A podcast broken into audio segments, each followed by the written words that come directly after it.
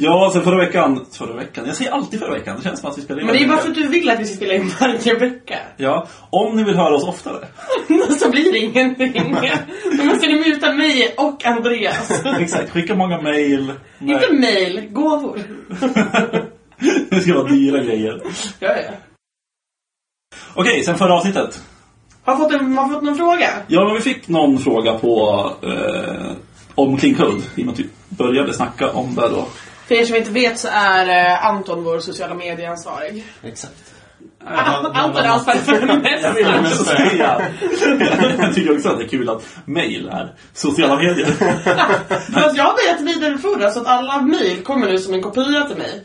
Så det är inte ansvarig för svaret om det de... Vänta, vadå? Alla mail kommer som en kopia? Ja. Men man kan ju välja i Gmail så att man skickas en, en kopia. Så det blir inte som att jag har läst det eller kan svara. Jag är inte inloggad. Det är mer så att det skickas en kopia. Fast det kan vara inloggad nu också. Jag vet inte. Whatever. Jag jobbar framåt. Sjukt modern teknik. Ja. Vi har fått en fråga. Ja, precis. På vår fall, så här. Nej, det var, jag kommer inte ihåg vem det var som eh, skrev det här. Så jag ber om ursäkt för det. Men vi kommer ihåg det nästa gång. Kommentaren var så här. Jag undrar hur ni ser på clean code och dess koppling till objektorientering. Och eh, sen att vi också programmerar mest i Java eller C-sharp. Men skulle vi göra någonting annorlunda om vi programmerar i JavaScript istället? Eller typ Python eller något funktionellt språk? Säger vi clean code som är hela clean code-boken eller? Ja, eller vi kan ju... Ja, Vi har hittills bara så här, pratat om namnkonvention och det känns ju som att det stämmer ju oavsett språk. Jo, så är det Eh, men det blir ju, alltså själva boken i sig är ju, alla exempel och sådär är ju baserade på liksom objektorienterat. Men sen är det ju mycket som kan appliceras på ja, funktionella eller ja men om du bara kör vanlig JavaScript också. Um, och då tänker jag typ, ja men dels namngivelse, alltså funktioner och single responsibility, um, alltså formatering. Ja, alla de bitarna egentligen um, funkar ju för, ja det är applicerbart oavsett egentligen. Om jag inte minns fel så är det mycket i boken är så här, så här har vi valt att göra men det viktigaste är inte att följa det vi gör utan att ni är konsekventa. Och bara det tipset är ju, det är ju framför allt funkar väl i alla språk. Ja, så länge man är konsekvent på rätt sätt. Väldigt sant. Inte konsekvent, inkonsekvent eller motsägelsefull. Nej, men det, jag tycker också det. Alltså, så här, jag skriver ganska mycket JavaScript ändå. Mm. Alltså både på jobbet och mycket Vue hemma. Som jag pratat om tidigare någon gång tror jag. Kanske nämnt, nämnt, Typ varje avsnitt sen du fick lära känna det. nämnt i förbifarten någon gång tror jag. Ehm, nej men då är det också att man tänker väldigt mycket på det här med som ni var inne på. Alltså single responsibility och namngivning och sånt där. Och att funktioner ska vara små och sånt där. Vilket i och för sig är ett problem med. Men det återkommer vi till när vi pratar om code nästa gång. Mm. Ehm, men alltså just sådana grejer och så här, man kan också tänka det liksom i ett större perspektiv. Alltså typ så här, hur man döper sina filer. Alltså allt det här går ju på något sätt in i clean code. Alltså tänket. Mm. Men Clean Code tar ju upp typ allt också. Så Ja, det- är det verkligen. Så att jag tycker att det går att applicera på många språk oavsett liksom hur det är och även om det är funktionellt. Men sen är det så här, vissa grejer såklart är ju ganska specifika. Alltså, så här, om du ska ha små klasser, ja det går liksom inte i ett inte objektorienterat språk. Nej. Och då är det ju så, det är ju bara skit i det. Alltså, Fast du ska ju också dela upp det i, alltså jag tänkte på när ni sa, eller Andreas sa eh, JavaScript. Jag var på en dragning om hur man ska tänka objektorienterat i JavaScript. Och då ska du inte jobba objektorienterat som du jobbar objektorienterat i Java eller C-sharp. Utan du ska jobba liksom med moduler och liksom att du ska hantera objekten i JavaScript så som objekten är skapta att användas i JavaScript, inte som de används i, i typ .NET. Mm. Ja men precis, för jag tänker också, ja men alltså Ja, väldigt snarlikt en så här komponentbaserat egentligen. När, Ja. man, när man jobbar med JavaScript. Så man ska väl inte balla ur med liksom att med, med en bok som ändå baseras på Java-exempel i princip 95%. Nej. Bara när liksom utgår ifrån språket. Men det finns ju väldigt mycket nyttigt att hämta liksom oavsett. Det är ju inte fel att läsa. Jag tänker så här, det finns inget språk där det är fel att läsa clean code och typ utgå från det. Men sen måste man ju Oavsett vilket nytt språk man använder så ska du ju lära dig hur det språket ska användas. Mm, precis. Är det ett bra när svar man- på? Ja, det tycker jag. Det tycker jag också. Ehm, Jag har ändå programmerat lite funktionellt. Inte så mycket, men alltså lekt i det mest. Och det är ju ett väldigt annorlunda tänk där jämfört med om man tänker C-sharp mot F-sharp eller Haskell eller vad man vill testa på. Och det är ju väldigt svår övergång. Men hur långt har du... För jag vet att du har ändå gjort mycket övningar och sånt där. Ja, jag har inte skrivit något större program liksom Nej. så. Utan det är mer att man testar och liksom lära sig språket mer än de säga, språkdesignen eller hur man ska säga, hur man lägger upp program. Men jag vet att du gör saker ordentligt när du testar dem. Har du försökt liksom, har det, har det funkat att implementera sånt tänk i eh, typ F-sharp var det väl du Ja, F-sharp körde jag mest. Uh, nej men det är mycket, det blir mycket att man kör det ytliga liksom. Ja men namnger det bra. Eh, det är mer sådana grejer som man kommer Mm. I kontakt med liksom. I, alltså direkt Mm. så att säga. Så att jag kan inte påstå att jag har någon djupare liksom, förståelse för hur man ska lä- lägga upp ett program i F-sharp i det här fallet. Då. Eh, men det känns också som att det finns liksom det blir på något sätt det logiska tänket. Alltså så att man, ja men det, det är logiskt att lägga upp det så här.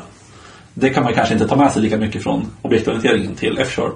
Men, Medan det ändå finns kanske något annat logiskt som när man arbetar med det ett tag som kommer liksom att ja men det här känns vettigt. Om du hänger med på vad jag menar. ja, typ. Ja. Bra.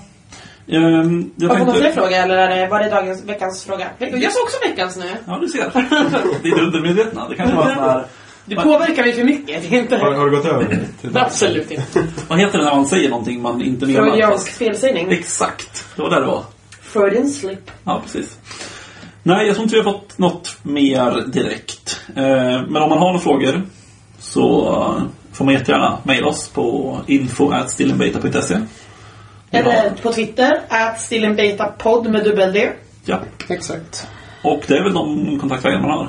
Det är väl de bra i alla fall. Ja. Vill man, eh, om man uppskattar oss kan vi säga, så får man jättegärna också recensera oss på iTunes. Eh, Det betyder väldigt mycket. Det hjälper folk att upptäcka oss och allting sånt där. Vi blir glada också. Vi blir väldigt, väldigt glada. Det får oss att fortsätta med det här. Mm. Så, Yes. dagens avsnitt. Vad tänkte vi snacka om? Lite... Ja, det är avsnitt 11 så att det är helt logiskt att vi ska köra ett, en recap. Ja. Sen vi började. För på ett år så är det nästan 11 månader. Nej, men det är ungefär ett år sedan vi började jobba. Jag började jobba för ett år sedan på torsdag, tror jag. Började Det- så sent alltså. Ja, 14 september. Ja. Ja. Celebration. Ska vi gå tillbaka till det och vi bara prata vilket datum vi började? Det känns inte punkigt. Jag har jobbat ett år och du har också jobbat ett år. Exakt. Ja. Anton inte jag har ändå. Har inte jobbat. Nej, men Han har det- inte samma erfarenhet som oss. Nej, tyvärr. Nej, men vi tänkte vi snacka lite alltså, kort om första året egentligen. Alltså, det har ju gått så fruktansvärt snabbt. Galet fort. Om man tänker, så vi, har, vi, vi pluggade tre år. Det var ju ändå... Varje år var ju som en ny era tycker jag. Jag ser på varje årskurs som att man hade lite ett annat liv. Alltså en annan, annan inställning. Och de tre åren var ju ändå lång tid. Nu är det bara, man började jobba och sen så var det sommar och sen nu sitter vi här. Ja, ja verkligen.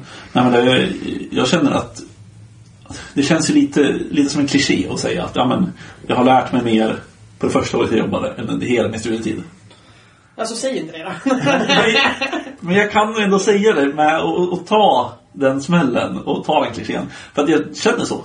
Och jag vet inte om det har blivit en kliché för att alla känner så. Men det är väl för att det är sant. det är Alltså, väl för att det är sant, ja. Men jag tycker att alltid när folk säger så, så vill ju jag flika in att utbildningens syfte är ju ett annorlunda än, liksom, än att du ska lära dig på samma sätt som du lär dig på jobbet. Att det ändå är förutsättningarna under... Förutsättningarna och målet med plugget är ju inte samma sak som när du faktiskt jobbar. Jag tänker främst det att lägga grunden. Ehm, och jag tror inte du hade lärt dig lika mycket om du inte hade studerat innan, till exempel. Ja, och typ det du har byggt upp under, den kunskap du byggt upp under de här tre åren, är saker man kan plocka ur minnet under, kanske inte hela livet, men liksom, man plockar upp dem Och inte, Åh, du pratar om det där och det har jag ju faktiskt haft en kurs i. Uh, så att det är mer, jag tänker inte, inte kuriosa, men saker jag tar i bakhuvudet. Medan nu är det ju hands-on, det här är vad du ska jobba med, det här sitter du med åtta timmar per dag. Då är det inte så konstigt att man blir bättre på det liksom. Men absolut sant, alltså vi, klyschor brukar ju ändå vara sanna. De kommer ju ändå ur, ur någonting. Eller? Ja, nej, men så är det verkligen. Alltså, det är inte så att jag känner att plugget var liksom onödigt. sätt. Absolut inte. Eh, utan jag tyckte det var en skitbra tre år. Jag lärde mig ju extremt mycket. Men det känns som att, och det, det är kanske som ni säger, att det liksom la grunden till resten. Medans liksom, det jag gör nu är ju så mycket mer praktiskt och så mycket mer eh, konkret på något sätt. Eh, men det är ju också för att jag jobbar med det varje dag. Jag lägger också väldigt mycket mer timmar nu. Alltså om man tänker hur många timmar jag lagt på så är jag kanske uppe i samma antal som de här tre åren tog. Du pluggar systemvetenskap i Uppsala. Det är Vadå, ju... pluggar inte ni åtta timmar per dag? Är att du gjorde ju inte det Andreas, så det är ju... Nej.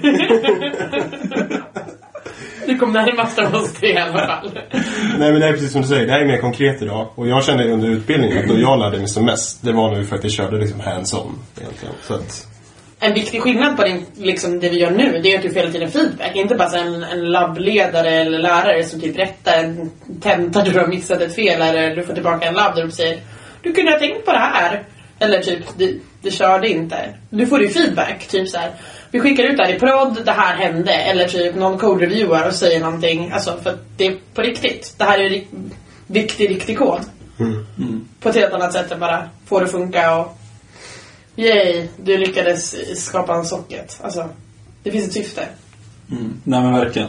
Och alltså, det är ju liksom inte bara, alltså man, blir, man utvecklas ju inte, man kan inte bara tänka kunskap på något sätt. Eller det är ju kunskap men Det är mer icke-mätbara saker också. va? Verkligen, Alltså, verkligen. bedömningsfrågor. Ja. Mm. Jo, då vet inte att liksom det är så här mycket, man har ju utvecklats väldigt mycket som person. I alla fall jag. Eh, jag tycker att jag är en väldigt, på något sätt, en ganska annorlunda person idag än vad jag var för ett år sedan.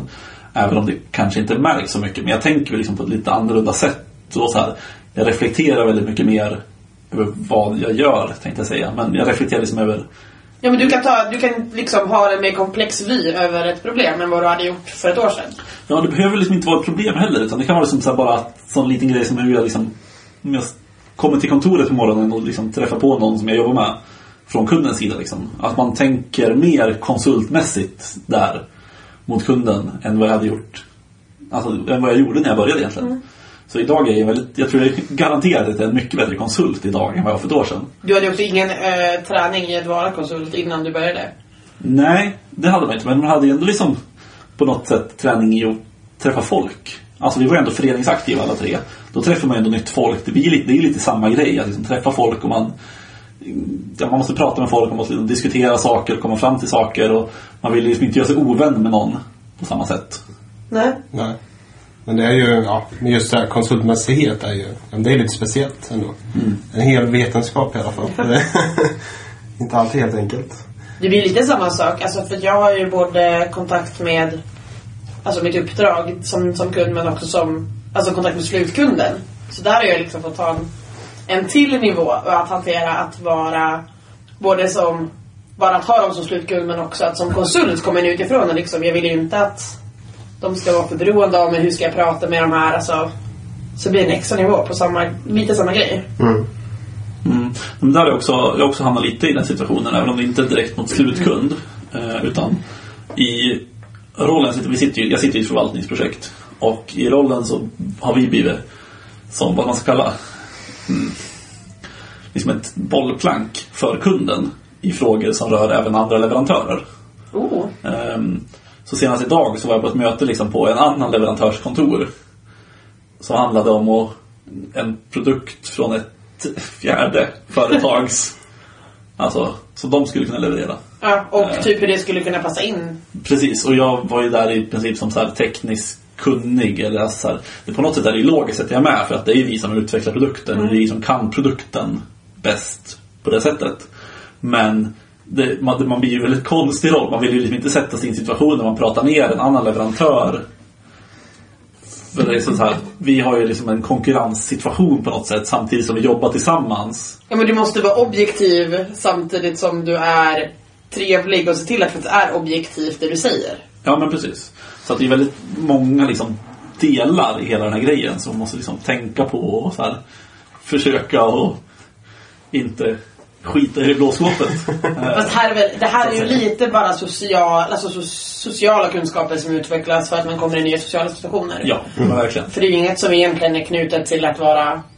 Det är lite mer applicerbart på att vara konsult än någonting annat men det är ju... Det är bara, säg, säg inget dumt på, olika, fast i olika, pers- eller olika personer bara det appliceras på. Jo. Men det är sjukt svårt det där. Alltså att veta när man ska säga någonting och inte egentligen. När du sitter som konsult. Alltså när ska man vara kritisk och när kanske det är bättre att hålla käften liksom egentligen. Det är sjukt svårt tycker jag. Det känns också som en sak som att man måste lite bestämma vilken sorts konsult man ska vara. Ska man vara en sån som kommer in och typ revolutionerar och säger Det här är jättedumt, varför gör ni så här? och när ska man vara min, ni har valt att jobba på det här sättet. Jag hjälper till med det. Alltså hitta en balansgång. Så det är inte svart och vitt men jag tittar på den balansgång där man själv passar in och vilket, hur, vad som passar in i just den här situationen. Jag tror så här att oftast så är den bästa konsulten den som kommer in och verkligen ifrågasätter liksom. Mm. Uh, men det svåra med det, det är ju att kunden kanske inte alltid kan hantera det. Eller vill höra det, eller, alltså det kritiska. Fast om den inte vill höra det, det är ju då den faktiskt behöver höra det och då kan du Jo, göra det med nytta. men, det, men det är, jag tror att det är ganska vanligt ändå att kunden egentligen ja, gör sig av med den konsulten för att den ifrågasätts för mycket. Ja, men det tror jag kanske. Jag jag, jag tycker det är bra, då får konsulten vara på något ställe på, på ett uppdrag som faktiskt man kan göra skillnad och som vill göra rätt och vill, som vill bli bättre. För det låter som ett uppdrag. Om de inte vill lyssna på vad, vad som kan göras bättre, då låter det inte som ett, ett, ett bolag som det kommer att gå så bra för. Man bara stänger in sig liksom och säger nej men det här funkar, vi kör på rakt in i väggen liksom. Nej, Men det känns som att det här kan vara ganska... Jag tror att det här problemet finns främst på så här större bolag som har liksom svårt att vara agila organisatoriskt. Alltså där liksom så här, ja, men du har någon som sitter högt upp och bestämmer och det är väldigt hierarkiskt, det är en sån platt organisation. Och sen kommer det in någon som säger att ja, men så här kan ni göra istället, bla bla bla. Och så alla eh, gamla gubbar tänkte jag säga. Men alla, Alla truttmössor. Ja, exakt. Som sitter Tröttmössor! ja, kör på! som sitter där och så, här, och så det kommer in någon ung konsult och ska liksom bestämma över dem. Jag tror att det är liksom, där, då kan det ju skära sig.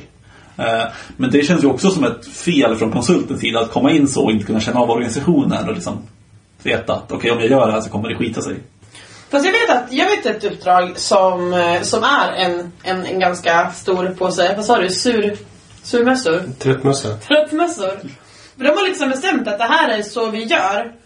Och sen har vi, vi har haft konsulter där som säger det här kan man göra bättre och typ det här tar jättelång tid. Varför, varför gör vi det inte på ett bättre sätt? Och liksom konsekvent kommer med liksom konkreta förslag. Inte orimliga grejer, det är snarare så här, det är så orimligt dåligt nu att liksom allting vore bättre. Men där de liksom konsekvent bara säger nej men du, vi vill inte. Det är inte bra. Vi, vi jobbar inte så här.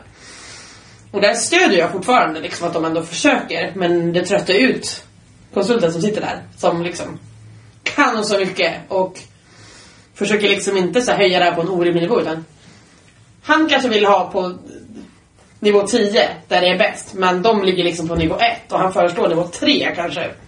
Så det är såhär, ja men acceptabelt.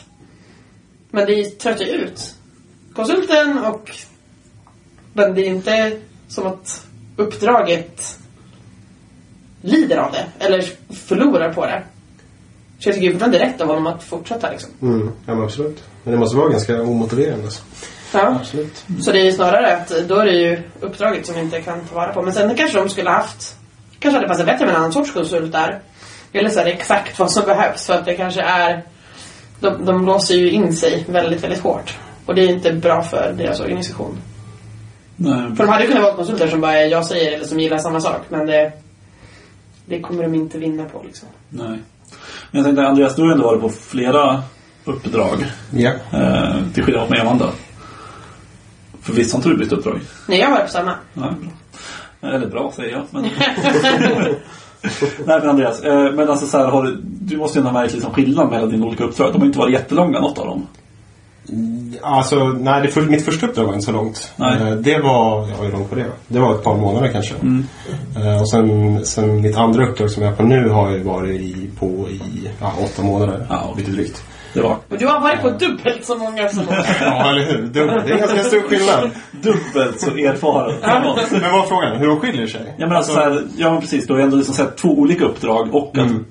byta uppdrag. Liksom, tog du med dig någonting från det första uppdraget in i det andra som du kände att du kunde göra annorlunda från början eller?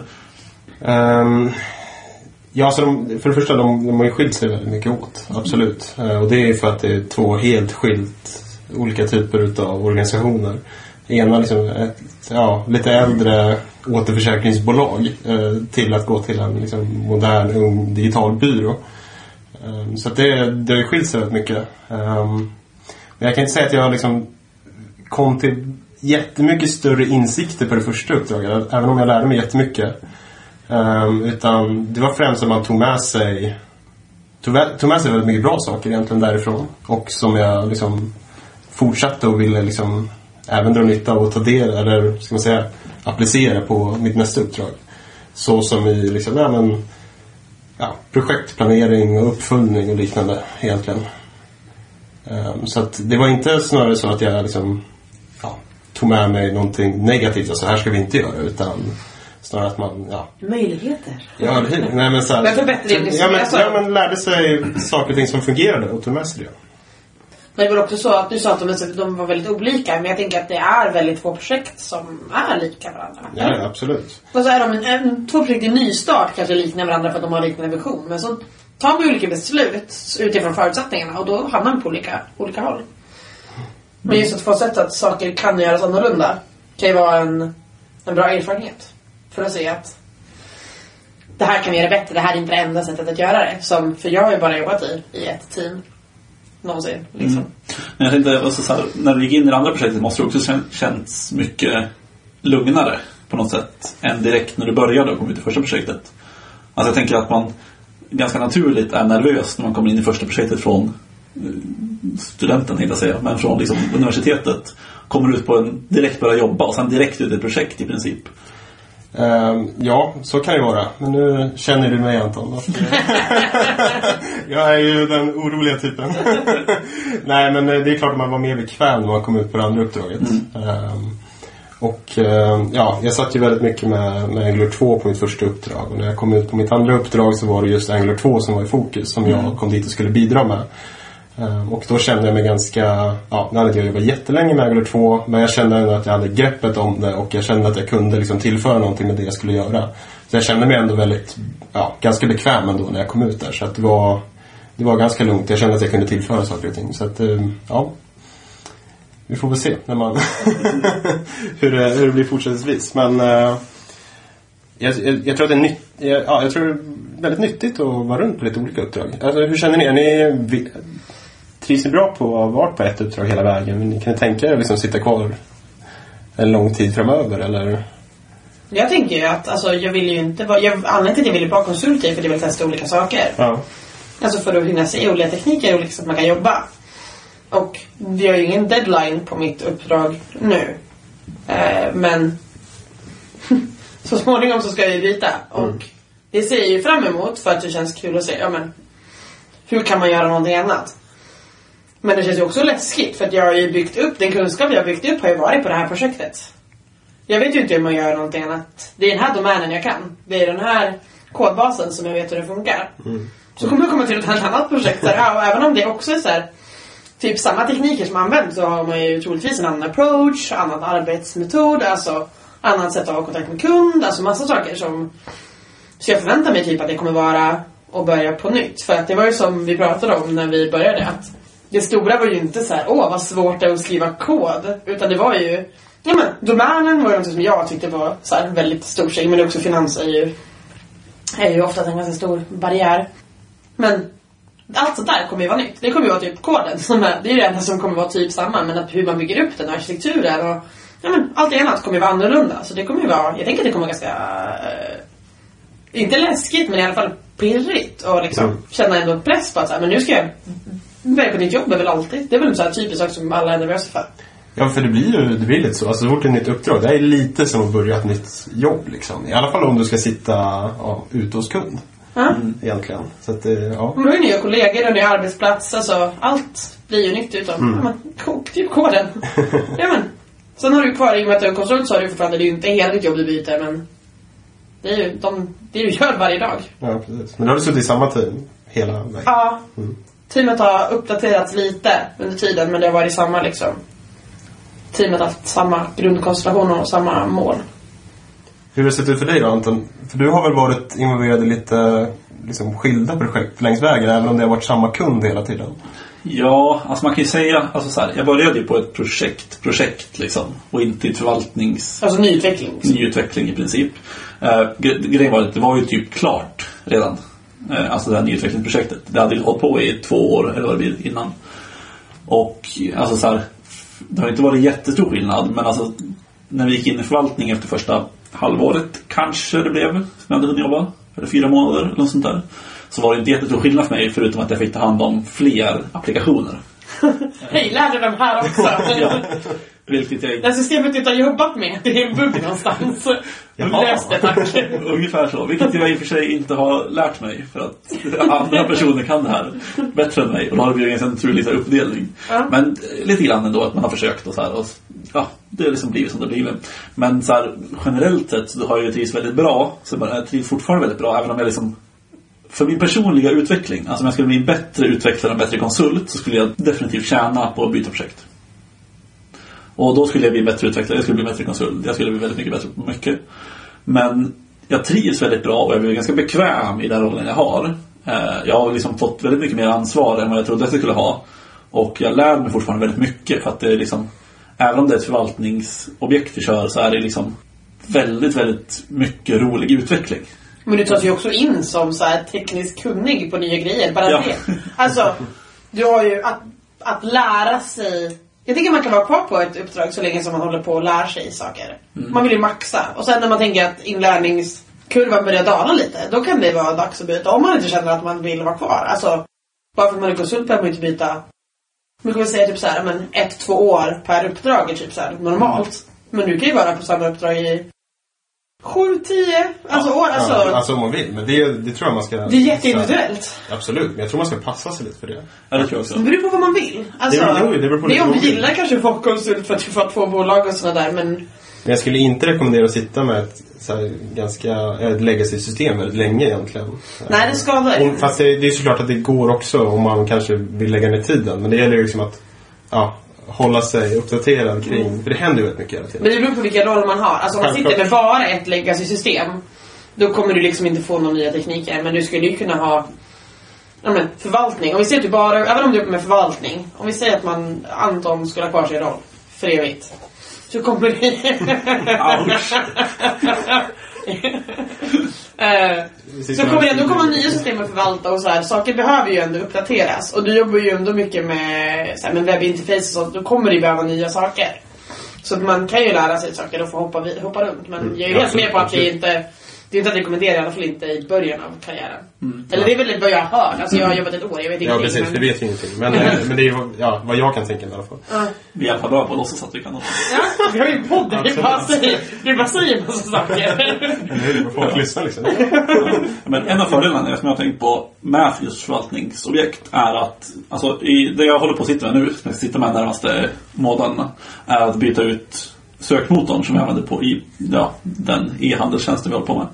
Eh, och Det känns som ett stort projekt. det är ett ganska stort projekt. Jag har, jag har alltså 100% på det här ungefär i fem månader. Eller sånt där. Eh, och det som är så roligt med det här är att jag får ju nyutveckla på något sätt den delen. Samtidigt som jag liksom måste på något sätt ta hänsyn till den gamla delen. Och det blir ju ett väldigt... Alltså att göra det från grunden hade ju varit enklare.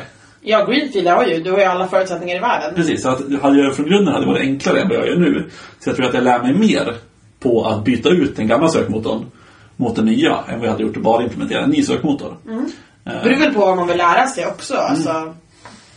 ja, absolut. Men det känns ju inte mindre lärorikt. Det är bara att du lär dig andra saker. Ja, så att det känns ändå som en väldigt rolig uppgift. Och sen så, ja, vi implementerar in någonting som heter Elasticsearch. Eh, och bara det är ju riktigt roligt att läsa, lära sig för att det är en väldigt Det är ju väl jätte, jätte, jätte, jättemånga fler som använder det. Ja, det är ju i princip go-to-sökmotorn nu för tiden. Ehm, jag vet att den största som använder det tror jag är GitHub.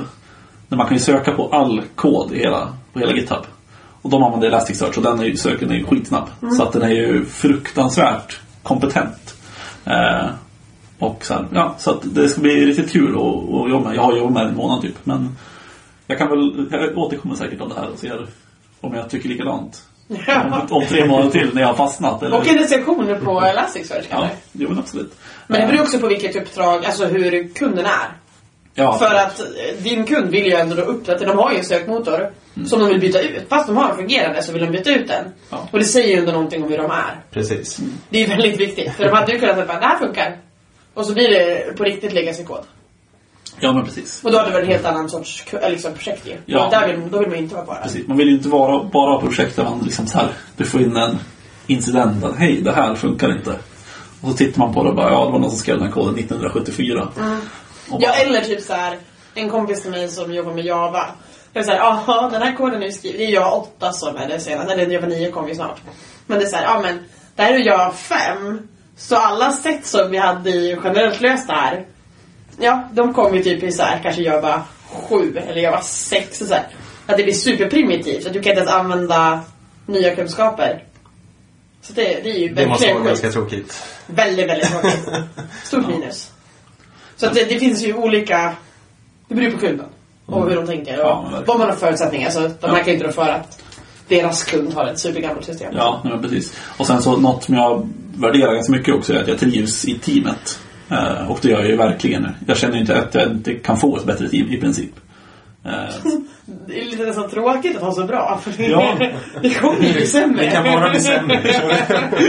ja, men eller? Nej, men alltså, jag känner ju att alltså, så här, jag jobbar ju med en kille till exempel som jag började samtidigt som, som jag jobbar med då, hela tiden. Eh, och vi, Han är din pärla i livet. Ja, men lite. Han är, han är axeln jag gråter mot när det går dåligt på jobbet. Eh, Han som en high five när du äntligen läser ja, någonting. så shoutout till Martin i podden. Ja. Jag vet inte om han lyssnar på podden. Vad gulligt. Eh, nej men i vilket fall, alltså så, här, så att det tycker jag är väldigt viktigt, vilket gör det ännu läskigare att bestämma sig för att nej, nu vill jag byta projekt. Eh, för då vet jag att då kommer jag bli av med Martin.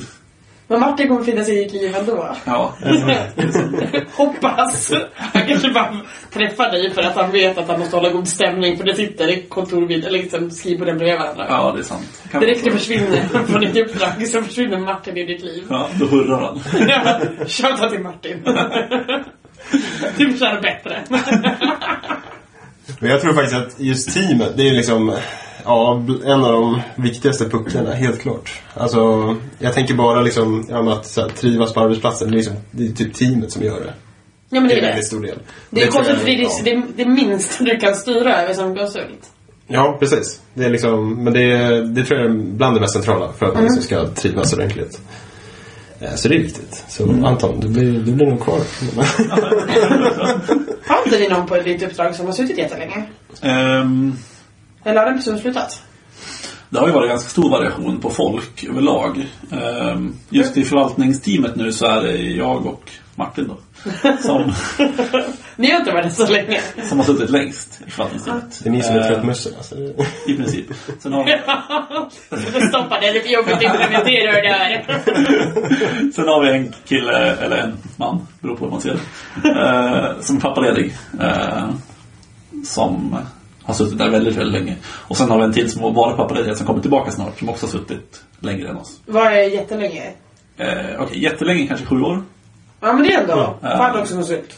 Ja. Ja, att- Och sen har vi, den, han som kommer tillbaka snart har väl suttit där i två år kanske, eller något. Om jag får gissa. Men det är inte så...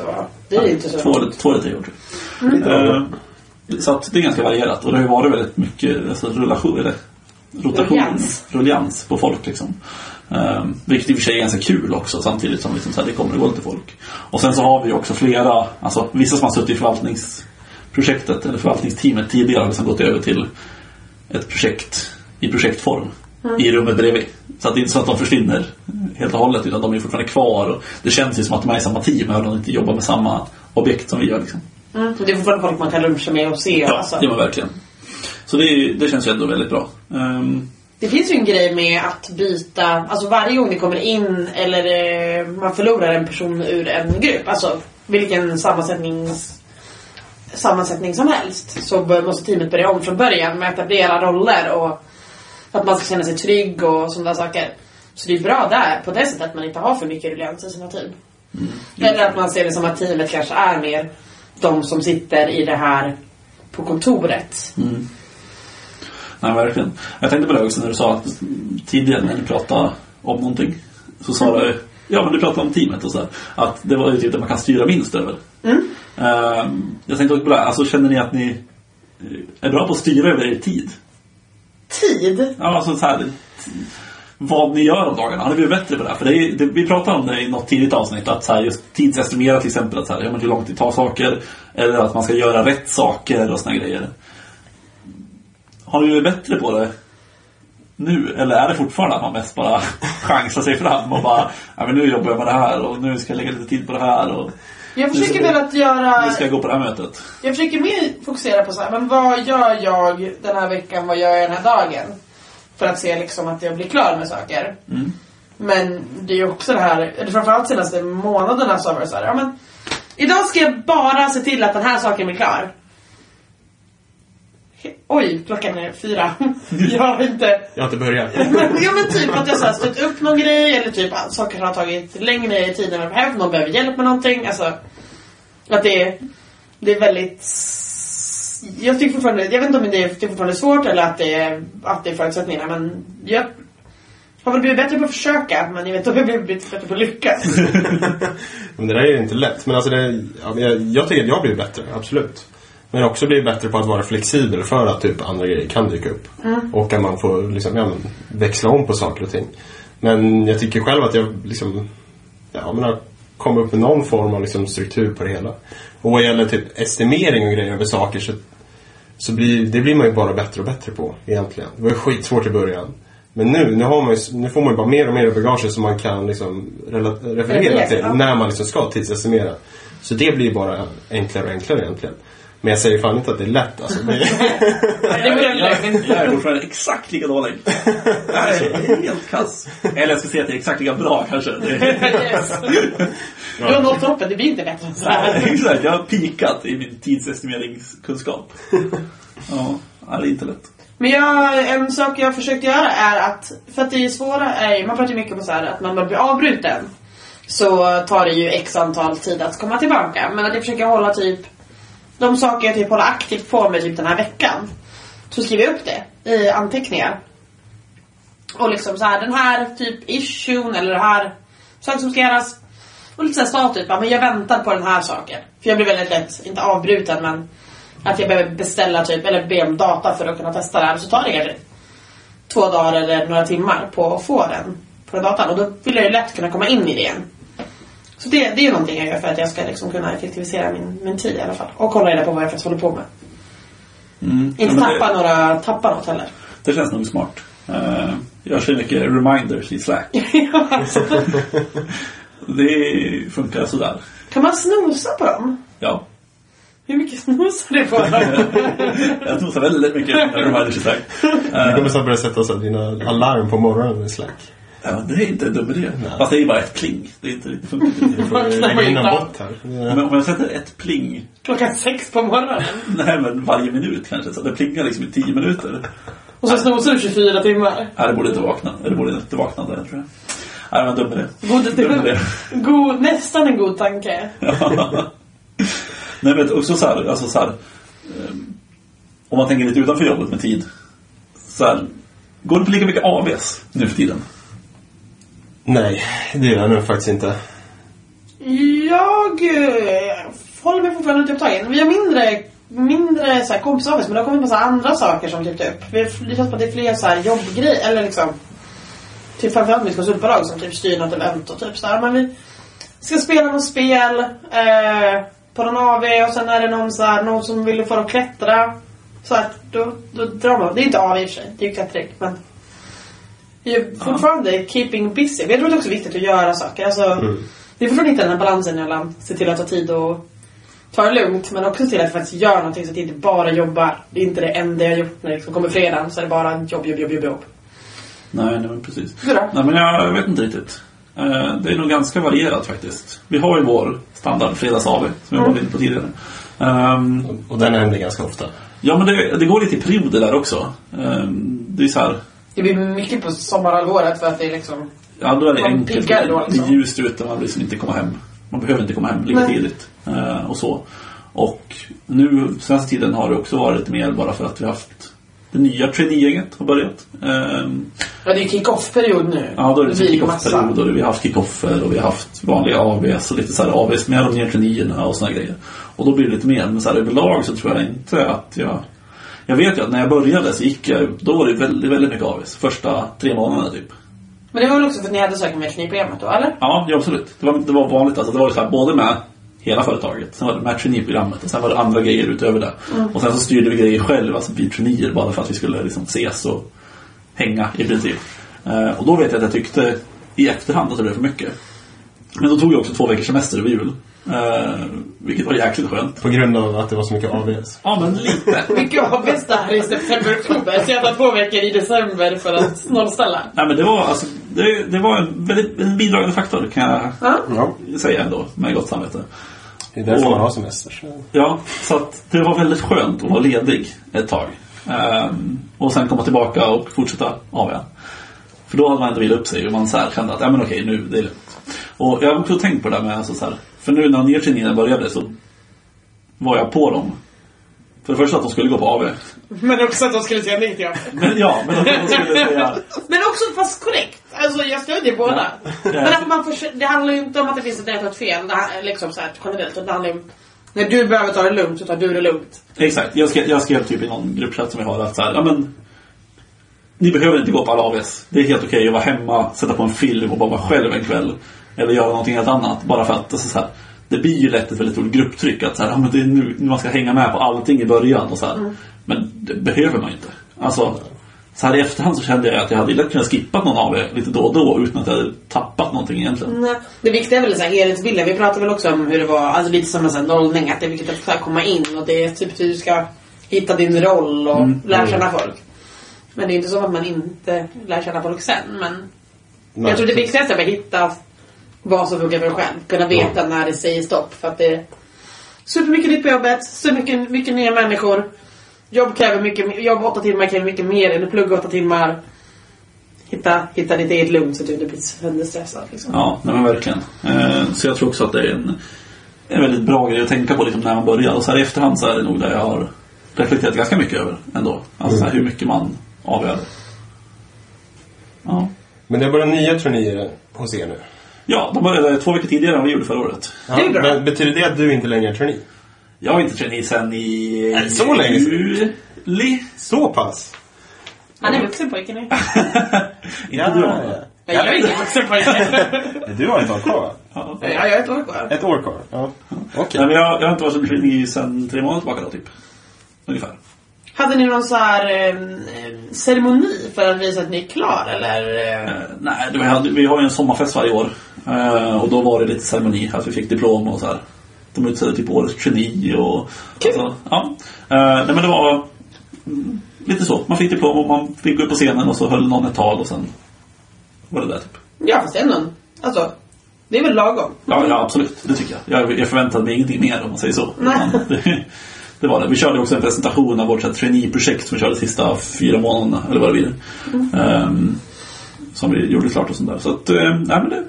Känns det skönt? Är du, vad är du nu? Är du en juniorutvecklare? Eller vad, vad, vad ser du? Du har ju alltid varit juniorutvecklare, men liksom. Ja, alltså jag tycker inte att jag är så junior. Du ju in som en teknisk eh, kunnig. Ja, eller hur? Eh, nej, men eh, jag vet inte. Alltså, Nu har allt förändrats. vi har ju så konstiga liksom, rollnamn hos oss. Det är, alltså, vi heter ju typ så här Analyst, tror jag min titel är. Säger ju ingenting. Jag säger ingenting. eh, sen blir man Senior Analyst, och sen blir man Consultant och sådär. Så att det är, Så du är konsulten? nej, exakt. Jag är analyst, tänkte jag säga. Du kan kolla på båda bara, här behöver någonting göras. Analytiker. Jag tror det är bättre. Ja, jag vet inte, gnutta bättre. Hade man Eh, hört att du bara sa jag är analyst. Då hade man ju tänkt att du var en utvecklare. Nej, precis. Eh, Vet du varifrån det kommer ifrån? nej, ingen aning faktiskt. Nej. Eh, Behövde någonting spexigt. Jag har accepterat det. Som det är liksom.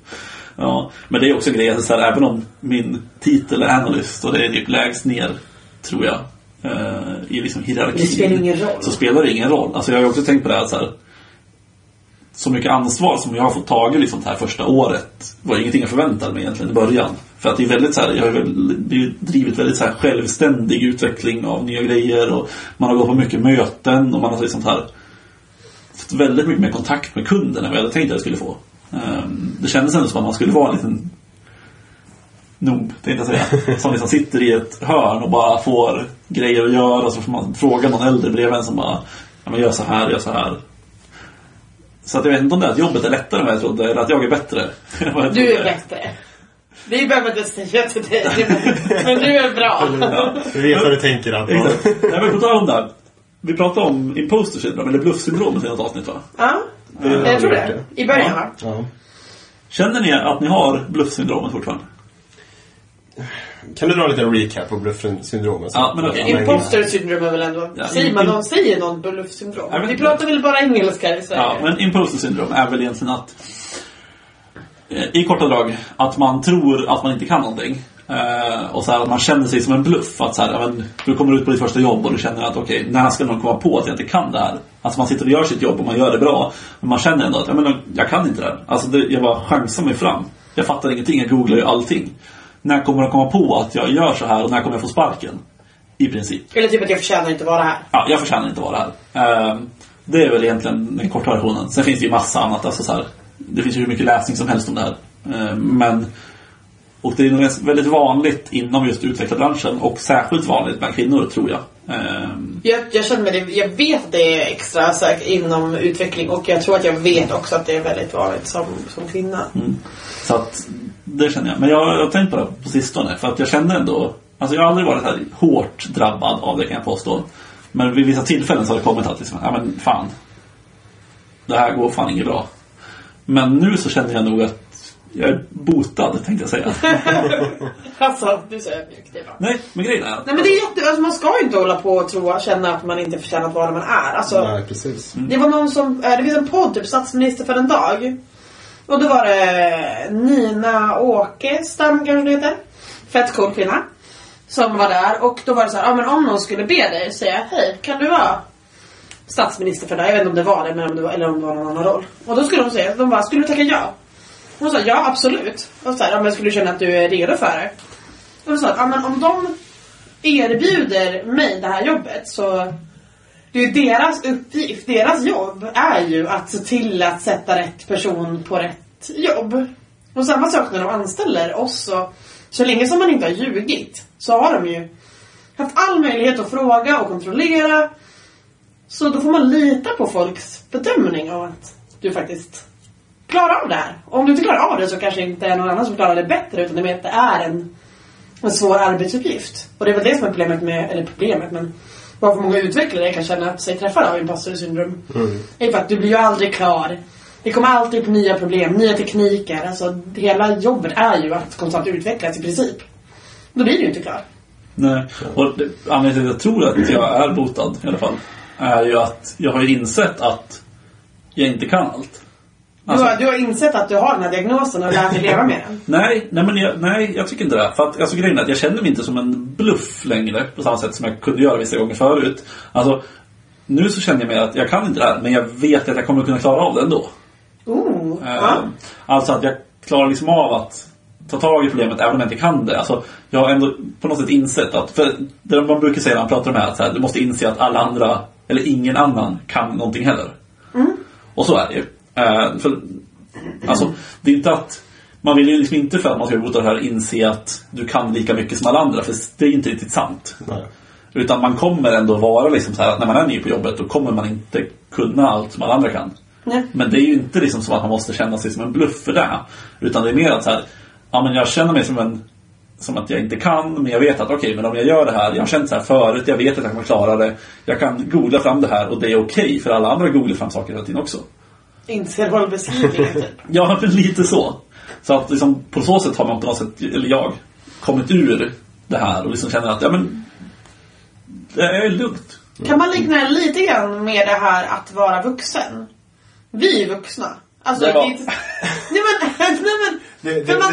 det, det var en jobbig generalisering. Vad är det? Nej, men det var, utveckla. det var en bred generalisering. Ja, nej men jag tänker att den är liksom... För att, men det är något som man har haft alltid, att man tänker att vuxna vet. När man var liten så gick man och frågade en vuxen och, om man kunde någonting eller kan man äta den här svampen? Om de skulle komma och fråga oss, kan man äta den här svampen? Då säger vi, Självklart.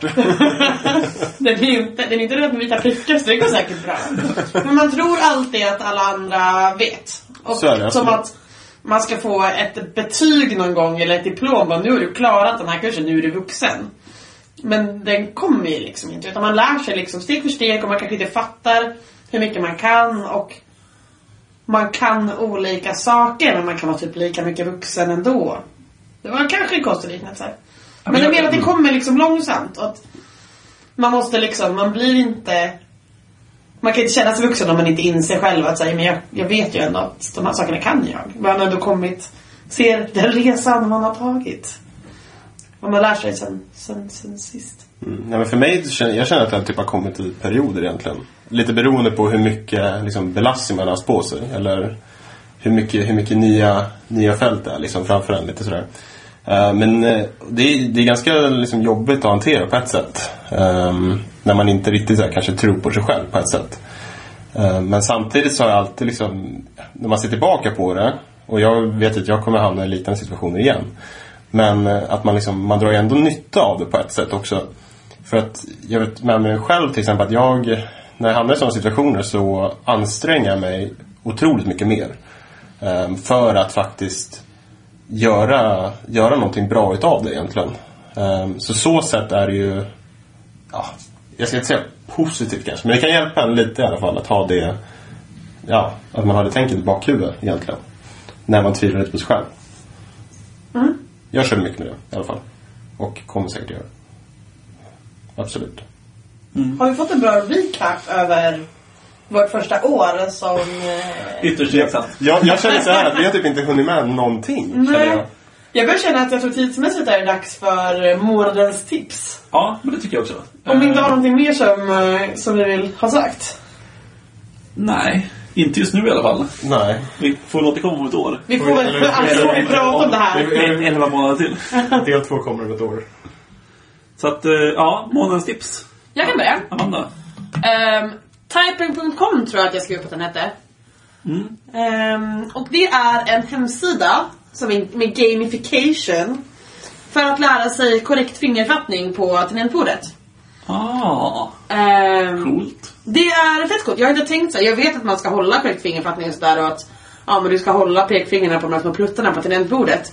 Men inte tänkt så mycket mer än så på det. Men så har en kompis som började prata om att han det finns en no zero days. Att man liksom inte ska göra det ska inte gå en dag, varje dag ska man jobba, göra bara typ så här en minut i alla fall. Man ska göra någonting för att träna på att bli en bättre person. Eller bli bättre utvecklare eller typ träna. Och då hade han den här som en grej, att han ska gå in där och köra bara lite grann varje dag. Och då tänkte jag, sure det kan man väl testa. Och jag fastnade så hårt för den här sidan. För att det bara, det, det börjar så himla lätt och det är lite kul om man sitter där och liksom stillar fingrarna. Man liksom vill vara snabb för man vill ha en bra... Ja, man, det första börjar liksom... De här plupparna på tangentbordet är på J och F. Och då är det bara att trycka J, J, J, F, F, F, mellanslag. J, J, mellanslag. Så det börjar väldigt enkelt. Och så lägger man till flera och fler tangenter, ser de vilka fingrar man ska trycka på. Och då blir det liksom en kombination, för mig i alla fall, av att man vill ju vara snabb. För det, man vill vara snabb och duktig. Men att man samtidigt liksom får inte trycka med fel finger.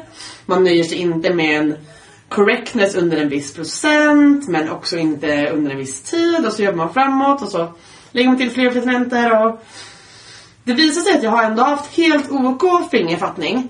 Men det är ju också att jag lätt, de saker jag har fel, blir lätt tillbaka till. Men jag tycker det är kul och jag tog en paus nu i helgen för att jag hade ingen dator med mig. Men eh, jag ska gå tillbaka och tänkte att jag ska pilla lite med det här ikväll. Det tycker jag har varit väldigt, väldigt kul och rekommenderar att testa. Det är ju noll ingångsnivå liksom. Men hur länge har du kört det nu då? Uh, en, en vecka kanske. Ja. Men du känner, känner du att du har fått en, eh, alltså ett resultat? Eller faller du tillbaka direkt? Sätter du ett vanligt tempo eller så gör någonting annat? Um, jag faller nog tillbaka väldigt lätt. Eh, för att jag typ, när jag har jobbat så har jag liksom inte tänkt på Jag tänker att jag behöver komma in det lite mer privat innan jag börjar applicera det på annat. Eh, men jag tror att jag har blivit lite bättre. Om inte annat. Men det är svårt också för man ska ha alla fingrarna på samma rad. Och det tycker jag blir fel. Framförallt med mina, liksom, jag har, hälften av mina naglar är långa och hälften är korta. som ni kan se så. Eh, det blir lite konstigt. Men eh, jag ska klippa ner dem kanske ikväll. Ehm, och träna på bara ha dem på rätt, för man ska ju alltid flytta tillbaka dem till mittenraden tydligen. Ehm, och det, det är jag lite dålig på. Men bara träna på den grejen. Jag ska inkorporera det här i mitt liv. Ja, jag, jag blir sugen på att testa faktiskt. Ja men det är superkul. Om det går lätt. Kan testa på tåget eller något. Kul. Har Andreas något tips? Eh, ja, jag har ett tips. Ehm, Vad har du för tips? Jag har inte lika roligt tips kanske. Men eh, jag tänkte tipsa om Eh, Microsoft har släppt ett gäng e-böcker över uh, ja, application architecture egentligen. För uh, ja, dels microservices, mobila appar med Xamarin eller vanliga .NET Core, ASP.NET appar och även då eh, ja, att deploya till cloud med Azure. Mm. och jag har skummat igenom AspNet Core arkitektur eh, lite snabbt. Är det full, fullängdsböcker eller? Inte, de är inte superlånga, men väldigt så här grundläggande, tar upp de mest, liksom, kanske mest, vad ska man säga, de viktigaste principerna egentligen. Så den är ganska grundlä- de är ganska grundläggande, i alla fall den AspNet då. Ja. Eh, Men jag tyckte det var vettigt. Eh, Så en del om ja, men single responsibility, lite dependency injection, överlag liksom applikationsarkitektur för att jobba med skalbarhet och liknande. Så att, ja men jag tycker det var vettigt. Är det, men det är arkitektur i fokus? Ja, Ja. absolut. Var finns de här då? De finns på en länk i show alltså. Snyggt. ja, men det är ju bra. Ehm, Då har vi pratat mycket om arkitekturböcker. Ja. Du, du typ, det känns som att det är det området du vill inrikta dig på, eller? Jag är mest sugen på det. Eh, sen har inte jag så här, divat jättemycket in i det. Men även om jag har, eh, ja, det kommer in väldigt mycket arkitektur i mitt jobb också. Perfekt. Eh, och jag tycker det är grymt kul och det är väl det jag vill sikta på lite längre fram i alla fall. Ja. Men man tar det väl lite sakta men säkert. En Microsoft-bok i taget. Precis, en bok i taget. Ja, eh, och jag tänker att det är ganska olika tips idag. Det är ganska härligt. Vad är det för Ehm, Mitt tips är något som heter Prefix. Prefix. Prefix.io finns det på. Är det ett nytt eh, ramverk? Nej, det är ett, vad man säger, ett utvecklarverktyg. Ehm, det kommer från ett företag som heter Stackify. Och det är helt gratis. Finns för .NET och Java. Så det finns både för dig och... Får jag vara med? Japp. Eh, och vad ska man säga? Det är liksom en... Du kör det samtidigt som du kör din kod, alltså som du typ debuggar. Eh, och det det gör är att den liksom visar till till exempel alla requests som din app gör. Den visar dig till exempel loggfiler, alltså så här allt som du loggar. Den visar till exempel alla exceptions som kommer i koden. Eh, alltså även om det liksom inte, även om appen inte kraschar så visar den dina exceptions. Eh, den kan även visa typ så här, lite konstiga eh, grejer. Typ att okej, du, du gör en Du gör ett eh, anrop till någonting. Och då helt plötsligt kommer det 38 anrop till databasen samtidigt. Och man bara, varför gör det så många anrop till databasen? Men det här är typ för att analysera, eller vad ska man använda det här? Ja, det men liksom typ för att bara- debugga till exempel. Eh, jag har använt det för att debugga när jag har liksom haft problem som jag inte har liksom hittat. Att så här, appen kraschar, men jag vet inte alls vart. Alltså jag kan inte ens sätta breakpoint än, för jag vet inte ens vart jag ska börja leta liksom. Okej. Eh, Så istället så kör jag prefix samtidigt och det som händer då, den visar ju exceptionet. Och då står det ju vart exceptionet kastades. Och då kan jag ju sätta en breakpoint där och så ser jag exakt vart jag ska gå in och debugga och sådär. Men det här är alltså någonting man startar innan man stör sin egen kod, eller vad? Ja, i princip. Du kan även se till exempel, alltså, så här, alltså till och med eh, jag vet att i Visual Studio till exempel så kan man ju säga, ja men du kanske kör Entity Framework eller en Hibernate eller vad man nu kör för ORM om man har sånt. Så kan det ju vara så här, om du vill se till exempel dina SQL queries. Det fångar också den här upp. Så att du ser liksom SQL queriesen direkt med all data i och allting sånt. Ehm, så att den är ju sjukt lämplig att felsöka med. Ehm, Nice. Det låter exakt som någonting jag har letat efter. När man sitter och sniffar nätverk liksom. Ja, ja, men det är lite så. Ja, Fast men exakt. eh, liksom gratis, klart, allting är bra och det är liksom så här. Man laddar ner den, installerar och sen är det liksom bara att köra. Så vad finns det där? Vad sa du? Sen bara finns det där. Exakt. Så då är det bara att ja, titta på den. Jag tycker att man ska titta på den i alla fall. Eller som sagt, alla de här finns ju i show notes. Eh, Har vi ens berättat så här för de som inte... För innan den här podden fanns visste inte jag att show notes fanns. Så att jag... jag Du, du kan ge en liten snabb det finns på hemsidan. show notes for dummies. Ja, men det är väl bara typ så här, länkar som saker vi refererar till. Så kan det finnas typ information till en Wikipedia-sida där det tas upp vad det betyder. Eller en länk till en, en produkt. Eller kanske en bild som vi har pratat om. Eller ja, men bara så här information. Men det kan också vara... Det blir lite som en så agenda för vad vi har tagit upp. Mm. Ehm, I alla fall ja, när vi refererar till de sakerna. Ja. Och att det finns på hemsidan. Nu finns det väl också i eh, vår beskrivning på i alla fall iTunes. Det finns eh, i poddbeskrivningen också. Så att, Men det funkar väl inte längre? Funkar länkar där? Alla länkar funkar också. I alla poddappar? Ja, i 99% av alla poddappar. Ja, men då- Alla bra poddappar. det var en dålig podd. Så att det finns överallt. Eh, Jag vet att i iTunes Podcaster-appen så är det lite svårt att hitta dem tror jag. Ja, det, men de har blivit lite bättre för jag använder ju podcastappen Mm. och där, jag börjat Jag får kunna läsa beskrivningar på poddavsnitt. För det var Ja. också något jag inte visste fanns innan jag skaffade en egen podd. Ja, men det finns i alla fall. Eh, Och på vår hemsida då. Och på stillabeta.se Ja. eh, för varje avsnitt. Eh, och ja, det var väl det. Ja. Där kan man ju scouta om man vet att vi har pratat om någonting i ett avsnitt men inte kommer ihåg vilket. Då kan man ju scouta show notes istället för att lyssna igenom. Precis. Så att där finns det mesta. Så länge det är konkreta grejer och inte sånt här som vi har pratat om idag när vi inte kan länka till så mycket. Tjolle, ja det blir kort show notes idag. Ja, det blir en kort show notes. Men jag tycker vi säger så, så tar vi Tack för idag. Tack för idag. Slut för idag. bye bye. Hejdå.